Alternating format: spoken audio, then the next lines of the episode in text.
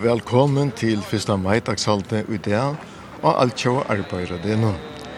Ein som sier er, så skipar havnar arbeidsmannafela, eller havnar arbeiderafela som det er det nå, fire fyrsta maidagshalte nå og alt kjø arbeider det nå. Og det hever fela i Gjørsujane i 1900 og 22. De som halda røve i det er Kari Hansen, nevnta limer i Havnar Arbeidsmannafella og Bøyras limer. Helena Dama Nesta Bø, fyrvrande løktings- og landstøyskvinna, og Høgni Høyta, løgtingsmæver og fyrvrande landstøysmæver. Som vi nevnte, så hever Havnar Arbeidsmannafella, eller Havnar Arbeiderfella, kipa for hesen haldenon og altjå arbeidenon i nøytjoltrus år utan slit. Undan 1922 var arbeidavren okti hilden, Men i middelen 1938 og 1932 var han ikke helt inn. Og at vi søvelig først av meidagshalten i 1932 helt hese fyra røve, André Orsting, som var forskvinna og havnar arbeidskvinnefela og i meira enn en mannsalter, og ein struskvinna innan arbeidsrørsla.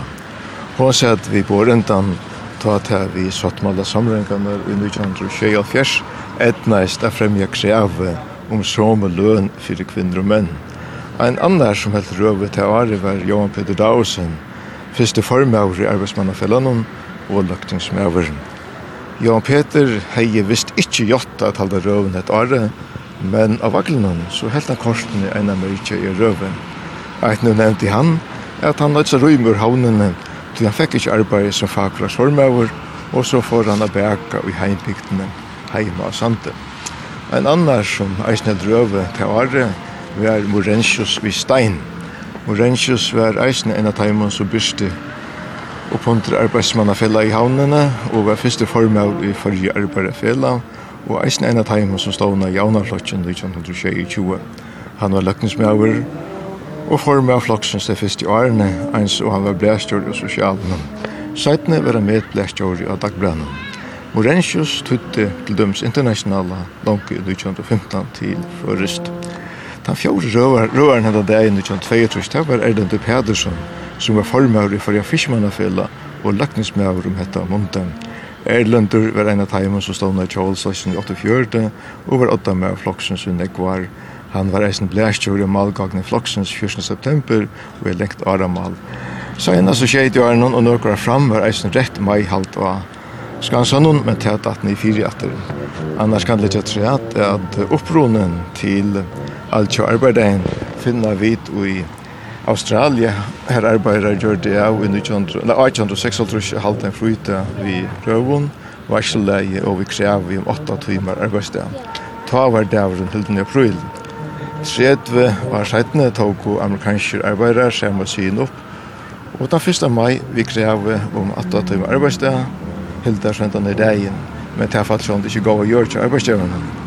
Og i har ikke forsvar, er gjørst av første mai skulle de halda som alt kjøy arbeidsgjøver, i røvun, varslig halde og regn fanen. Seitene var alt kjøy rastøvne, jeg har gjørs det krever skulle være 8 timer arbeidsgjøver, 8 timer kvult og 8 timer fri. Og i fyrjun er det av en hilden i nøkron bygdun og bojun, men hefur ikkje finnst ta syvenje som er veldig av kja løntakaren som er av. Og i arver Så vidt vi vita, dævren bærer hilden i havnene og i Vestmanna om ein tøyma. Nå får vi da seta fra fyrsta meidagshalden i havn, og fyrst for form av arbeidsmannafellagsins at bjaua velkommen. Jeg skal legge havnar land, bjaua tilkom som her er samankommen, og lorstaren og land i alt, velkommen til hetta fyrsta meidagshalden av Aktovnum. Öll hesi årene hever Havnar Hotnorkester vi Ove Olsen og Otta troliga sett av Madeien. Nu Ove ikki er mittlen okken langer, fer jeg biatikkon sema vi mer minnast Ove og vi tøkt og i ena løtt.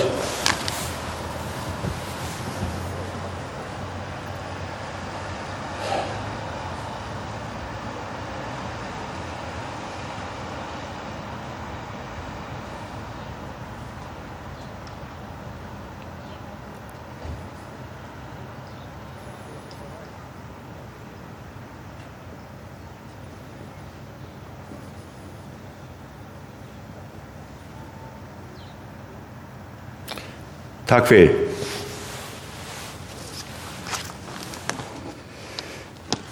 Røra jo er vera Kari Johansen, arbeidsmæur og nemndalimer i Hamar Helena Dam, fyrirvarende løgtenskvinna, og Høgni Høyta av løgtenslimer. Tøyan verre kunne tolka tennasen ikkje lotaka sema vi okkon og jeg er. Han har hatt markester fer nå å spela et le for jokkon, og så gjerne fer Kare Johansen Ørre.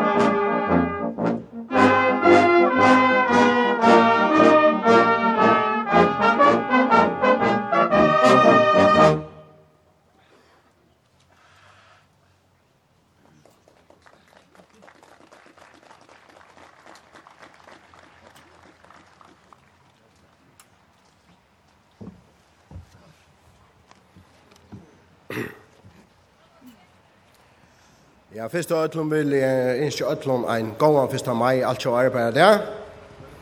Og i år hat jeg halda vid alt sjå arbeid der, som vil hilden om atlan heim. Og ja, og hva er det ikke hostøyt a vita, at han tøymalandi enn ikkje fer løn fyrir hendan dagen.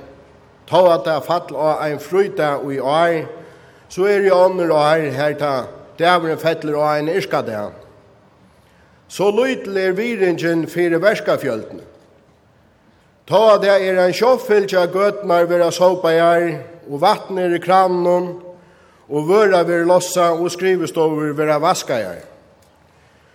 Vegin er bøta seg ikkje sjolver, og ikkje eit kolli kvørste kjemur etla fer om kajkanten og i Torsanar havn utan arbeidsmenn. Utan verska fölkje vær kjøtt, svenklet og skyte. Vi skriver 2021. Det skal være min avheitan av arbeidsgjørerfellene at få arbeide i løntan så okkara verska folk i framtiden kunne standa stolt hendan det vi fotlar i løn. Du tar kunne arbeidsgjørerne eisene er stolt. Åre lyka løn hever reika av sosiale milen hese setten i årene. Men loika løn er ikkje galtande fyrir arbeider. Så kan vi spyrja kvui. Det er til døme sjån fyrir søkn og i tunnelsarbeiden at man at er man føringer, ja, så ligger lønnen av lei heltene minne enn tjata med norske arbeideren. Tå at hese gjerra størst seg sama arbeid. Kvoi i allar voje ver er okkara arbeid ikkje lukka nek okkara arbeid ikkje lukka nek verter. Ta man som arbeidsgjevar utan neka som helst. Trobelega kan løna falskje imist som gjeras heim arbeid. Fyrir flere enn hundra árum sujane tog menn se saman og sett i stån havnar arbeidsmannafela. Tog kårene våre ut av leie vanalig. Nu, 105 år sættene, kunne vi spyrja okkur sjolve om vi er kommet av mal. Sverige nei. Vi kommer nok omgang til av mal. Arbeiderrørsland kommer framhaltande av vera nøyt av berjas fyrir betre kårum. Ta, ta i e huksi om okkara fela, havnar fela, så er det min fætan, at fela er kommet av vea mot. Vanlige arbeideren er ikkje hins samme som fyrir hundra åren, så ja. Og i det er det krøvene meir enn bæra fysisk styrke. Og i det er det store maskiner og smarre tål og öll hese ambo seta stor krøv til arbeideren. Det finnes eisen sera stor arbeid vi arbeideren. Men lønnen er altså ikke utra vi hesa arbeid. Tui eie det er vera ein sjåfylgja at öll hesi arbeidsfolk vera rokna som ser arbeidare og få sottmalar i sampakka vi hinne grannalåndene. Hetta eier hanar arbeidarfella nu a letja seg etter.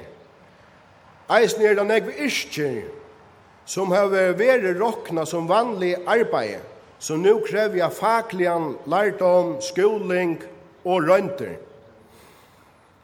til er fegnast om at støye hakkar. Men av hese økje må han har arbeiderfella fylgja vi, så alle sottmåler vera dagførter tilsværand. Det kan ikkje vera meningen av menn genga tøymalønter og i flere år. Hvor få hese menn ikkje fasta løn?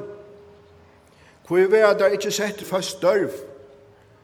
Det skjer med i egne av suttja starvsløysingar Her det veri søkt etter folket til alt, mellom himmel og jør, gå løn, og gå og føstørv er dette.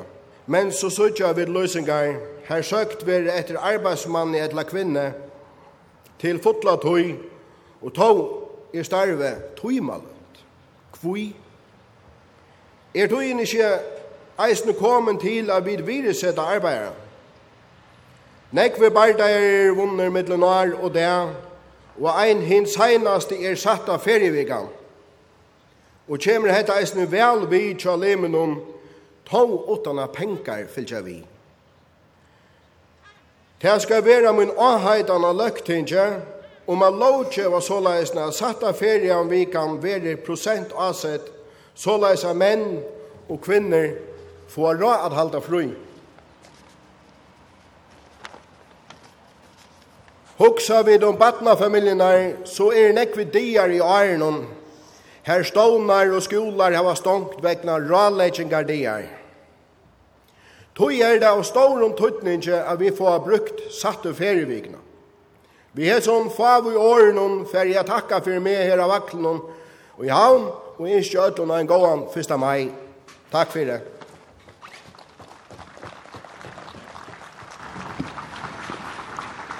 Ja, vi hørte, vi hørte Kara Johansen, nevntanlim og i havnar arbeider av fela. Og det neste, som fyrir roa etter at Hotnakesset spalt et land, og det er internasjonala, det er Lena Dam Annestabøen.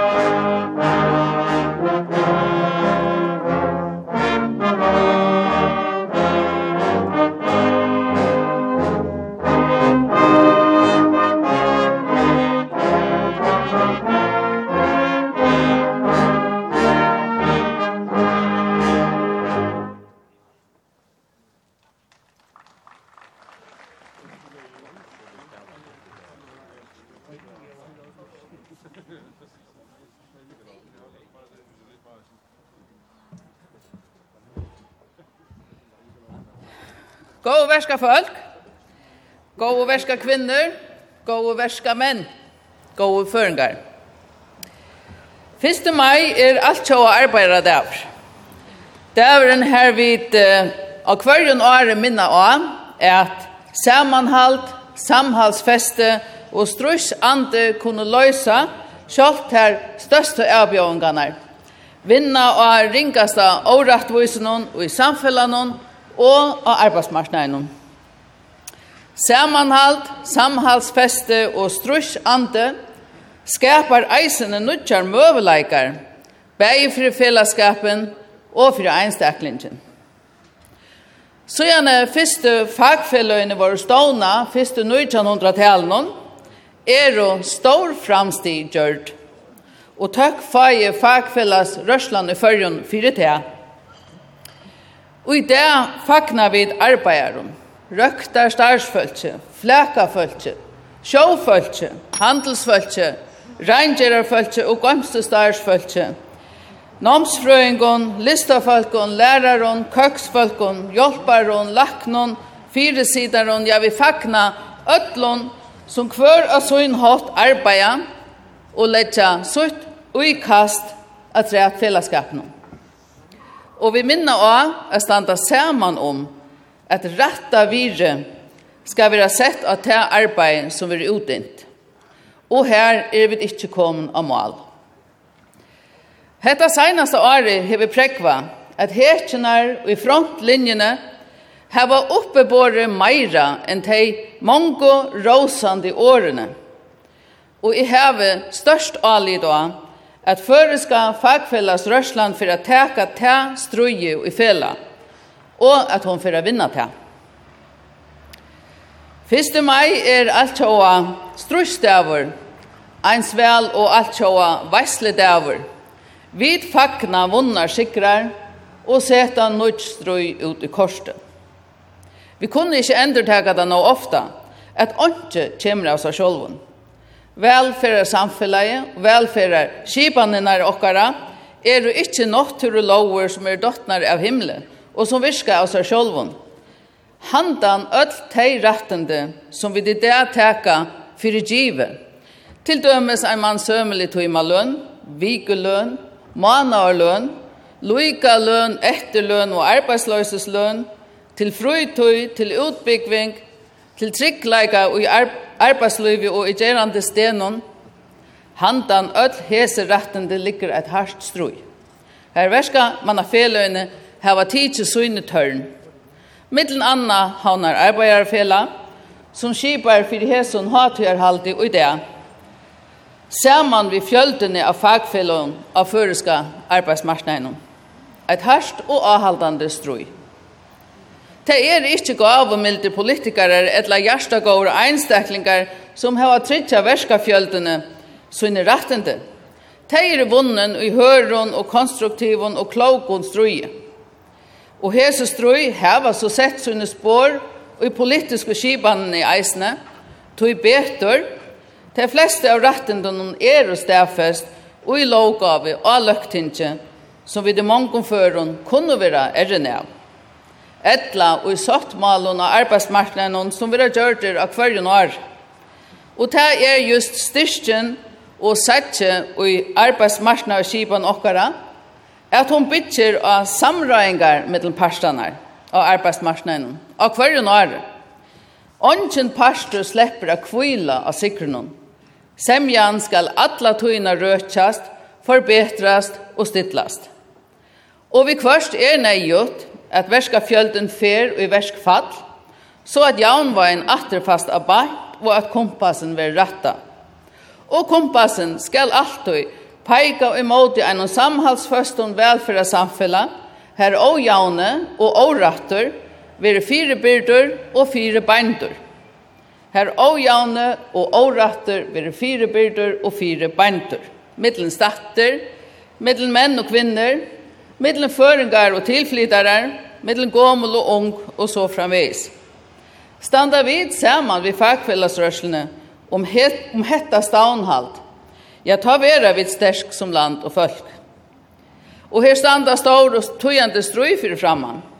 Vi sutja at jekven i mittlen ruik og, og fatøk vekser, vi risa høyre fyr og i heimenon, og så stat eisen i fyrjon.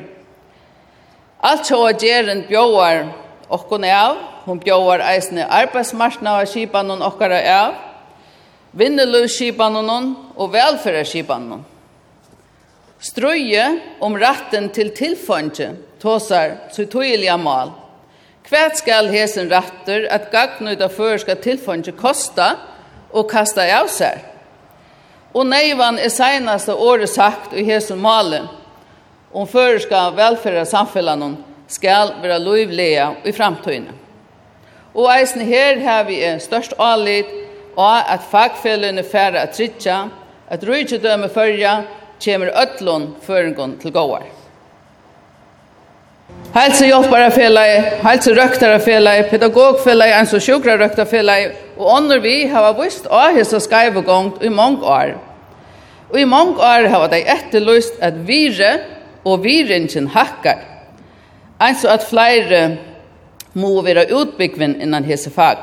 Og i fyrre dagen finner vi stedfest og større kanning at det er risa størst tråd og arbeidsmøy innan ødel hese fag. Vanliga hever større etterspårninger og løyte ut på til avlæring at prøyseren vekser.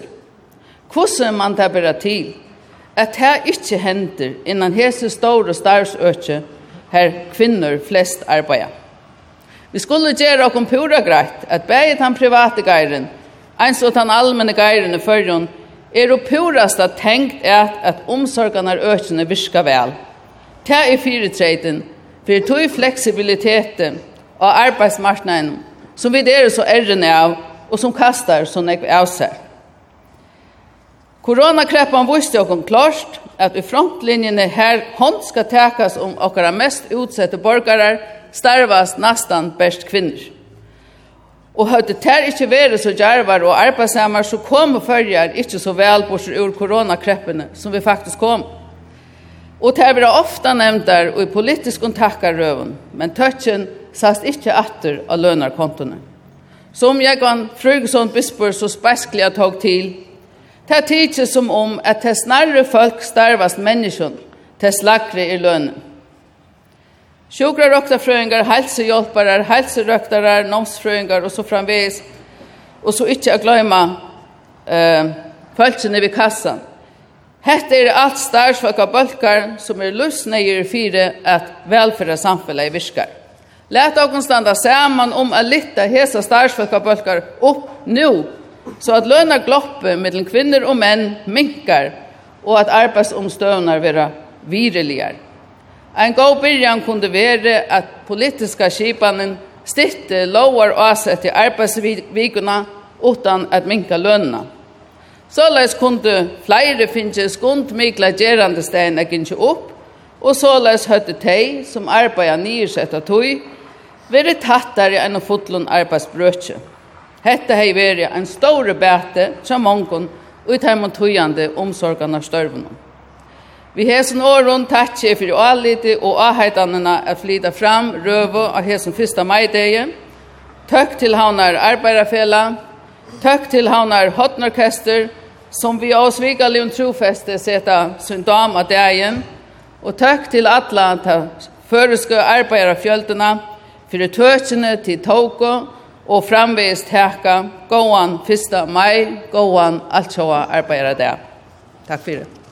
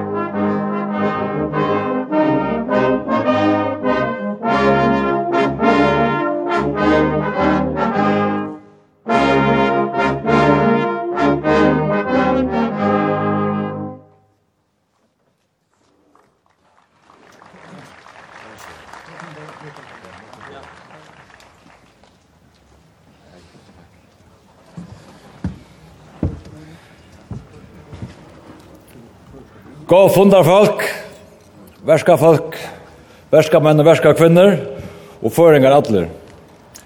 Størst i heier er da, a få høvi a røa altsjåa arbeidadene. Takk til havnar arbeidafella og fyrkiparnar, og til havnar hotnorkester for så trolig a jeg og kontonleitjen av hesson merskje steg. Og takk til Hans Johansson for a minnast Ova Olsen, som just er færre.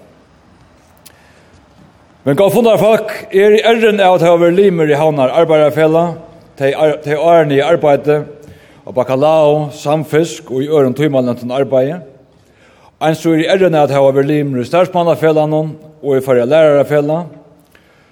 Hava det ikke er sin leiklode, men som politiker i farja år i det, så skal mun steilig avheltan og innelige bøn være til ødel arbeidande folk og løntakere i farjon, og ikke minst til okkar ungdom. Gjeres limer og fylkes som fagfelene og verska folkarørslene. Tei er saman med tjóskapar og tjósturstrørslen den størsta menneskjasliga, samfunnslige og vinnelige drøymegin og hefur skapa tei virur tei rattende og tei møgulegar og livekår som við ødel meta som det dyra bærasta við eia og idea. Ratt til løn for samme arbeid, frytøy, utbyggving, pensjon, helsebåt, sjurgatrykt, sosiala trygt, arbeidsløsstål og så framettene.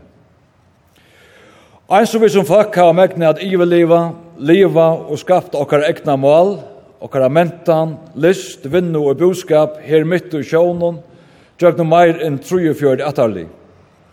Og i i öllum forsaknun, og i i öllum tog som er vi truttan i ryokon, at det ikkje bær til, Vi da finnes røft øyrene fotlom av videre og fa og små, bæge som folk og som verskafolk. Jeg vet ikke mekna standa oppe som folk og samflagsfolkar, at okkara mal og mentan og tilfond er alt og lyte, at okkar annar må hava rei og kunne si om hva vi skulle gjøre, og at vi ikke kunne tega avbyrd og skjøtna sjolv, og at okkara merskje ikke kan vatsa mellom heimsins sjåur.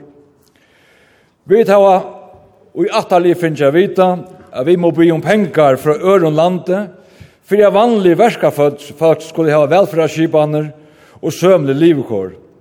Håas vil vita at han så nevnte blokkstolen er mest av øtlom færen til å gjøre det røyk og røykar i fargen, og å slippe åkken undan å krevje ekna futsing til egnar velferdsskipaner her i åkere ekna landet.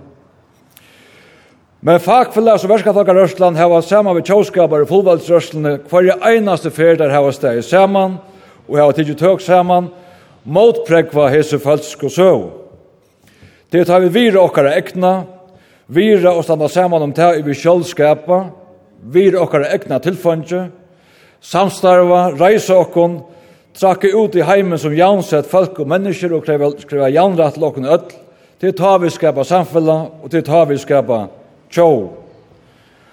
Og ja, det er nærum ånden hei tro, det hei vi båret vel til. Så sanns som er gjørskvelden, prekka vi okkar håndbollsmenn det atter. Takk nekka og Tjekkia, som er mittlen fremste håndbollstjåver i Europa og i heimenon. En dansker håndbollserfrøyngur sier at det 80 altså ikke er mulig. Men det er mulig til folk arbeider saman om felagsmål og setter seg høy, mål og dreymar. Vi undanganger folk, breit, og sjálfsøkten og sjálfbåten arbeid, her ødla vi ergångt, vi fagfølse, og her er vending. Ta få vi fellesskapene virka, og skapa samstundens møvlega til urmeldingen av menna søgn i evne. Just dette er søvan om fagfellas og verskaptakarrørslene kring Atlanheim, og eisen her i fyrju. Ta vi vire okkar egna og skapa jaunratten til fellesskapene folk, ta skapa vi det besta og i heimeren kan bjóa, og vi skapa verande virer fyrir komandi atarli. Det i ånden eller fahøyde tro, det er bare til. Kanskje jo verka takkar Ørsland eins og føringar veri som rindakvelden som ikke veik og han er, men leder seg reker på land, åttan han brukar sina styrke til at liva er frals liv. Du kvar hei tro fyrir 150 år sjøgjane at det åknar leis og verska falskje skulle få velratt og kipa egen følge og trygda kipa andre fyrrjum, Neiva, nekar. At kvinner skulle få av velrett, tog hans helder loika løn ved mennene, at bøtten til verska følt jo okna leisen skulle få rett til åkjøpes utbyggving. bærs få hadde trotøy, fa og undan, fink ånder vi, og ta bær til. Hvor hei tro for i første arrangeran vi kunne menne ekna skolar, og skalskap, og list, og mal, og mentan, i at heit symfoniorkester, film, utvarp, tjåpall, hotnorkester, heimskjenda tonleikarar, utvada folk, og i versetar arkitekter og listafolk. Ja, få hadde tro du, men det som få hadde tro, det bær til. Hvor hadde tro for bare halvfjerds år siden vi får bytja veier og havner og granskikarstånar og ei sjukhusversk og kommunale orskoskipan og dagstånar, eldrarøkt og samskiftestøkken i hemslotje.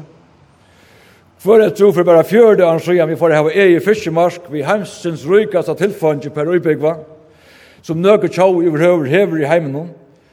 Jeg vet nå er det en storhaus tjau i myen Atlantshavet. Jeg vet finner finner nødt skip og virker og vinnetål. Hvor er det så for bare at vi har en for jeg har ei flåfella, og at nøybygd havransøkna skip, og at negv økt tilfang i okkar ekna sjekvi og okkar ekna fyrum. Men det som fadet tro bær til, det bær til. Og i hese må vi omgande gløyma at det var fellesskapene og fagfellas og verskaptakarrørslunar, ja kommununar eisne, som eisne var drøymen i en endenutja okkara vinnetål og vinneløyv i fargen. Skipene, virkene kring landet er i stora mån, gjørt ikkje av bare av enstaglingum, men av folket som er steg saman om å mennes ved lokalsamfella, og vi fagfellene som fer etter fer eisne har bjerga ta i nyr etter hver Det er som han samtidig er yrkjer, Tid liva eie søvun, som teire brod og gær, men måti hatton høvun hver yrkestavar bær. Tøy tikkar strev og stinne, ta sløkt i hunkurs brand, og tikkar ryka sinne, ta bygde hetta land. Men kvå så blir så til, er vi stand i fyrrene og i heimnån det, her søvan hever hoa at endetegas. En gløkke med oss er enn fra søvan endetegas i altøy, Fyrste fer som sorgarleikur, ære fer som kjemteleiker. Jeg vet ikke om han er rett. Tog heimeren og farger stand i det, og i tog at gjøres alt meira at faman av veldig her nøkker få, og den så nevnte alt kjøy av større kapitalen og fortjørheimeren legger alt under seg.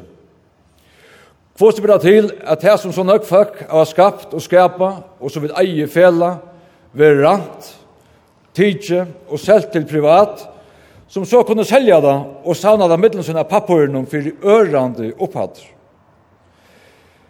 Og i det er jeg kjøtt bare 2000 folk i heimen om, meira enn helten av heimen åknen, som helten av ødel heimsens og utbyggen eier.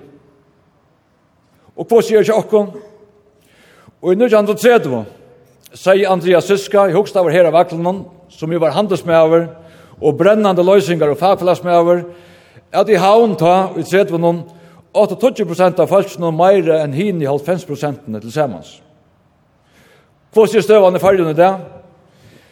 Ja, okkar okkara felas okkur fyrstenon, som attarlig undan okken heva struss fyrir a vinna tjóene, eia fyra fem fyrtøk og kjøtt atla etgångt til fyrste. Og her inne har det samtidig vi en tebro meirlåda, at jeg har ikke lov i å selja hesa okkar okkara felas okken, og middelen eisne til utlendingar. Ja, det har finnst sånn en 12 år løyve, så vi jeg langt og kjøpt og selt. Det har vært virkelig av disse 12 årene på 36 milliarder kroner, ørande opphader, og er ikke åkne skilja. Så i fyrrum, om ikke nega vi gjørst nå, så færre kjøtt, enn 200 folk, en 5 promille av falskene, at eia meira enn ødelhinne i fyrrum til samans. Og det var ikke bare fiskeren, Etter det her er det gjøren, bostadene, handlander, anna vinneløs og framvis, vi tar langt å seta, til lengst kjenner jeg vi. Vi tar seg førre bansje rundt 600 millioner kroner ut i vinnesbøyde til nega fåar eiere, flere av dem utenlands. med en vanlige folk skal gjelda hakre løn, og hakre, hakre prøys for løn og tjenester, bare for å kunne leva et sømelig liv. Ja, men hette er trøytenar i alt sjåa marsnaen, og vi dyrir kapping av hans marsnaen, og av et løgmann, fortsatt måler har han og samgang for sida. Men hvor godtakar vi slukt møst? Hvor er det så såkalla i fyrtjarheimeren og alt sjåa kapitaleren og børseren, som tids for anbøy til at noen få promille av fæltsjen i heimen skulle eia meiren öll hine, halvfems, 95 prosentene? Hvordan ser han ut til alt sjå kapitaleren som vi har kjent her hjemme så ofte, som er kort vei i okkara land, og allan heimen, og heisen fer etter fer etter fer. Hesen kapitaler som lever av vinningsen av arbeidene og virene som vanlige folk og løntakere skapa atterlig etter atterlig. Hesen fortsatt og oknarheimer som eisen i øyer, natturo og fjellbrøtning med allan heim, og sier at alt her rujtidøme, alt her fjellbrøtta som natturan, jøren, heve, løyvi, eller vår herra, hava givi okkur til lands, det skal være privat okkur til einstaklingsen som så kan selja det og medlemsøyen fyrir å skilja det opphatt. Kjenner tid hende alt sjåa, kapitalen og fortjærheimen. Jeg kjenner han ikke. Han er omgang bjør mer enn Løtland. Han er omgang til å finne hjertet til mer darra. derra. Han er omgang til å finne at elska nega større enn meg eller at elska nastan som sjálva meg, tvers og måter. Korsen høyra vi til alt jo og betalen, så tøtninga er mykje, han skal teka allan vo og asa sida der. Men hva er hent i hverja er de einaste kreppo? Hverja fyrir som så nevnte voafyrskapitalen kjemur trobelegar, ta skuld tar felaskassane, verskafalkje, ta vann og løntakaren gjalda alt gjelda, tar missa ønskje. At na sørste fortjar kreppo er til rykar som kommer rykar borsrur, og jeg kan si at det er vurs som sjåvarfadle, at etter så nevnte koronakreppene, vi hadde eisning oppater Flere av de aller rygast heimene som er oppater rygare, og ikke minst også akkurat de heilevei som fyrir å være en oppater større tørver. Og hva har vi så sett under koronafarsretten i fyrrjum? Jeg vet hva å se at hva var det som bær. Det har vært her fellesskipanene som så mange har barst til måldre å gjøre. Alls arbeidsløsskipanen var størst av trykten. Det fellesskipanene og sammenhalte. Og ikke minst prekva i koronakreppan, hva vire det vanlige arbeidet hever, og det vanlige samskiftet mellom folk. Det er jo bare verlet arbeid som skapar virer, det er ikke flytta pengar enn papirer. Det var alt hei, og i okkar helseversk, og okkar sosialversk, og de handlande og virsten som hilder samfunnet og gengande, alt hei, og i stakka fram i fremste rød, hei avstå, alt hei, hei korona prekva, at det er bare verlet arbeid og sammenhalt i skapa vir. Ta i testekkar, ta stendur eisen større kapitalen og de som sida vi eller hava arva og fætliga peninga okner av papirinun, ta standa ta eisne nedj. Ta samskifti og verlet sammenhalt skal være med folk, ta ver heldur anki vire, til virene skapa bæra, ta i falskene som skapa vi handans, andans og hjertans mei. Jeg skal ta til denne løsene til at vi føreskånd politikk. Det som hender her inne i lagtingsen og i det, er etter munnen tykje at det største ranet som vi færre fremmåter enn i falskje negantøy. Hoks det kun okkara, det som undan okkar djengu som bardes fyrir å få fiskemarsje, og det er rettene som nekve heldig var ikke verst. Man sier det på slags til at hava fiskemarsje fyrir, vi hava det rykaste tilfanget i heimen om det. Vi fiskar meir enn fjörde kilo per uibygg vi fargen om dagen. Hette har man vid en pen, inne i inne avrætt til noe fa og sagt at nå skal hetta som var herra og naturen skapa vera privat og. Og vi tar en ofætlig åhepna blanding i førskon kjøttmalen i det. Ta tidlig så samgangflokkene tar har gjort av å byta av skinnen så alle få sutt og energisere åhepna blanding og det vanlige folk og fjelten misser. Falkaflokkar slepp at okkar okkara åkna okna kjekvi i landet, bæg i fisken, bostæren, huslandsgrunnen, som eisen nu skal være anbordja spekulanten, allmenna grunnar, skattel drattvois og anna. Det kom tar avrai til tar fag urvalden, einstaklingar, partafølge og klienter. At det fire kuika sambandslokken ötlun, men slepp stegna bindokn innen danska kipaner og EU-vald, og at avrai okkara sjálfsægjara som sjálfsægjara Det hakna bara hörnar om allen. Nu vil Danmark at sedan hernar och radar upp i förr. Åttan har spyrja föringar eller folk etter vi har brukt som en finne i en talve. Og hva sier lagt med over? Ja, vi må ikke alltid atter til Danmark. Danmark er jo varst av knøyden til åren. Ja, gå av morgen. Nær har Danmark varst førjar. Og hvordan var det med dere selv? Var det varst ta i brille med en herstag førjar for 200 år siden? Ja. Ikke det som er at han har takk mot flutja. Våre okkara sjåmenn og sjåføk, og til eisner som etter sådde vardar under første henspardia, iver høvrig. Var det vard under ør henspardia, nei. Vi var gjør til bombemal, til aldersmal, og bare vi at sette opp utgjør her i fargen, gjes vi til aldersmal. Og vi ikke har slik utgjør i fargen, så er det ønsken når jeg årsøk at leipa okkom vi hernar med, men sjalvan vil jeg vet avvarska i heimsens gong korsen. Så så er standeren i førskum politikk i det, men det har nøydest alls ikke at vera såleis. Løgtinge nøyst ikkje vera partafella som det bliv. Ja, i halde her i ferie privatisera løgtinge, her og i til en savning av ombudsfalket til Imson, partafellene eller ser av hamalen, som sitter og teka avgjørende til å bådallige skreia for land og folk. Heldur at løgtinge starva for time om lyskiften som underfarne røren her har nevnt, at vi framvis hava en støv vi har i allen under verleggen minkar i fargen med en åkner til heim som hava åkner og avkast i her vekser takk varsi falskje av landsjøkrosen og takk falskje som sitter vi diskanar i handelen hver eneste det at de som gjør tymalent arbeid de missa for hver dag og i mån til de som eier videre landsens og åkner men det er nøyst ikke å være så det som ønsken tror bær til, det ber til. Og tog eia verskamanna og faklagsrørslan og sjálfstores fullvarsrørslan a finna saman atter i fyrir. Vi må teka valdi og arbeidnis landen her, til falkare er ikke ta i større kapitaleren bestemmar innanfyrir hesar vetsjer. Vi må samtidig grunnlov som gjør öllum føringun som er rattende, og som gjør okkara tjå som er rattende ute i heimet. Det henger og løsla saman. Tjåna må være jansettar, og folk i landen må være jansett. Vi må trytja, og i hessar grunnlovene, at han tilfann som vi tidsi fra okkom, vi er tidsi atter, vi må teka ta stolna atter, så å sia. Vi må trytja negg bedre arbeidspartar ratten i hessin husen, og vi må eisne politikarar, politiske flokkar, fagfelle, saman, trytja at Fagfellene kunne få en oppall større leiklod enn bare at strujas for lønnavirskiftene. Hvor tar vi ikke fela og gjøre et alternativ til bankene, Jeg møler ikke til å kunne lana til vanlig hus og utbøver i fargen. Det kunne fagfellene gjøre seg, man ens og kjepsantøyga, og andre lodafell i fargen her og gjøre seg, og tøyene her faktisk og sammen.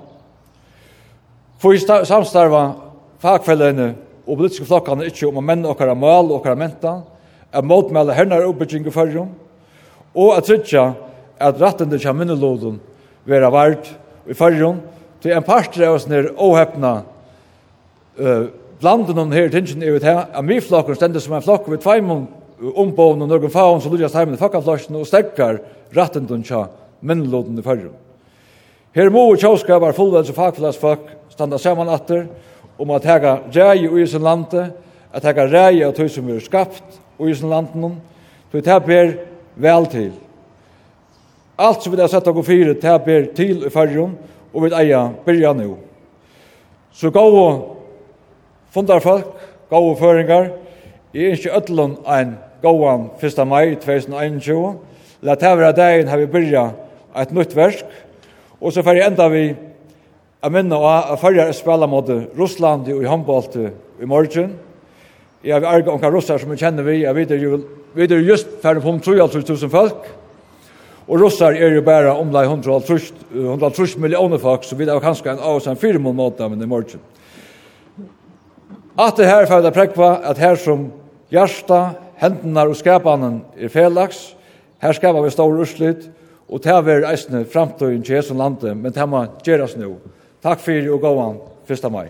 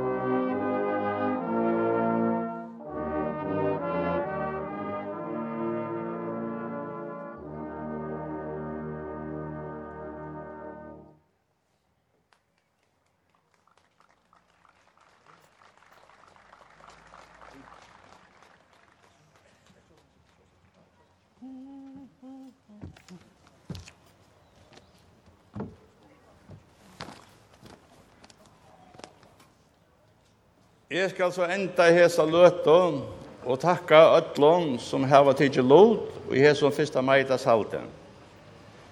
Takk til rører, Kara Johansen, Helene Dama Nestabø og Høgna Høydal. Takk til Havnar Hotnorkester som alltid er vidt til å seta sin særstakka dam av løtene. Takk til Taursson og Bøyra for det velvild som alltid vil sunt havnar arbeiderfella i samband vi fyrsta meitas halt her av Aklunum. Takk til Kringbar Førja for det beina seme vi at i utvarspa tean som vi er frambore henta det og takk til Tikkon som løyte jo av. Jeg vil så enda hesa løte vi at innskja ötlun ein framhaldande gauan arbeider og eit godt sommar. Havnar Hornorkester vil nå at enda spela fyrste ørende ur til okkara, og öll er velkommen at synja vi. Takk fyrir det.